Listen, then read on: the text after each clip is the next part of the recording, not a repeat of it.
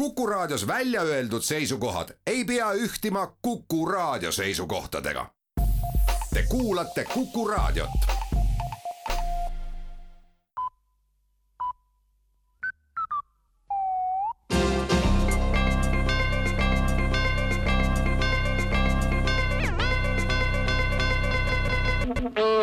on uudisteetri aeg ja stuudios Rohke Debelak pikema vaheaja järel on erakonnad taas reguleerinud parteide rahastamise küsimusi. konsensus on hetkel selline, et parteide segase võitu rahastamine peabki sellisel kujul säilima. peamiseks põhjuseks, miks see kõik peaks parteide rahaasjades jääma samaks kui praegu, on see, et ka valijatel on paljudel enese rahastamisega segadusi leida inimene, kellel selles vallas on kõik korras, on küll võimalik, kuid vastupidiseid näiteid on ka. kui parteide rahastamine on segane, siis tunnevad poliitikud ennast valijatega enam ühel lainel olevat. segaselt rahastatav partei on segaselt rahastatud valijale parem partner, sest neil mõlemal on ühisosa ja sellest lähtuvalt on sidusus suurem ja poliitika ei võõrandu rahvast, vaid astub temaga ühte jalga. kui ajad ja tavad kunagi muutuvad ja ebaselge rahastamine kaob pikkamisi ka elanikkonna hulgast, siis reageerivad sellele kohe ka parteid, märgitakse ühisavalduses ja veel rahast. rahandusministeerium annab teada, et energiamaksude langetamine, samuti toiduainete käibemaksumäära vähendamine ei oleks konstruktiivsed sammud ja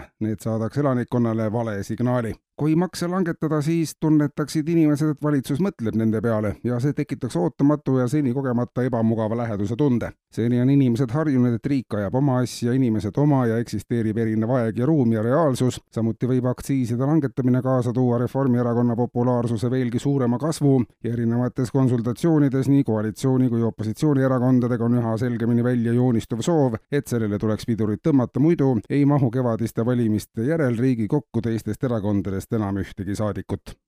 korruptsioon epidemioloogia jaama värskes olukorra ülevaates aga antakse teada, et olukord on tavapärane ja üldisi kõrvalekaldeid tavaks saanud tegevuses riigiametnikud ei ole korda saatnud endiselt on levinud maksumaksja raha eest kulukate sise- ja välisreiside ettevõtmine ja, ja sellega ei eristu ametnikud kuidagi ka tavakodanikest. kõik inimesed reisivad, puhkavad ja pidutsevad maksumaksja raha eest, sest nad ise ongi maksumaksjad ja kasutavad selleks oma raha korruptsiooni epidemioloogia jaama avalduse kohaselt ei olegi ühelgi riigil muud raha kui maksumaksja oma ja ainult seda kasutades saabki midagi üldse ette võtta ja ka konstruktiivset õpetajate üha kasvava puuduse tingimuses tuleb äh, laiendada õpetajate baasi ja kaasata hariduse andmisesse ühiskond laiemalt, annab teada Haridusministeerium värskes arengukavas. esimeses järgus on senisest enam plaanis kaasata lapsevanemaid, kes sageli teavad palju paremini, kuidas õpetaja tööd tegema peab ja millised on pedagoogide suuremad puudujäägid. seni on sellisel seisukohal olevad lapsevanemad saanud piirduda ainult kriitikaga, aga järgmisest õppeaastast on kõikidel lapsevanematel endil ka võimalik ise õpetajana tööle asuda ja anda anda oma lastele oluliselt paremat haridust. lisaks veel motiveerib töötasu. koos lapsevanematega on võimalik vaatamata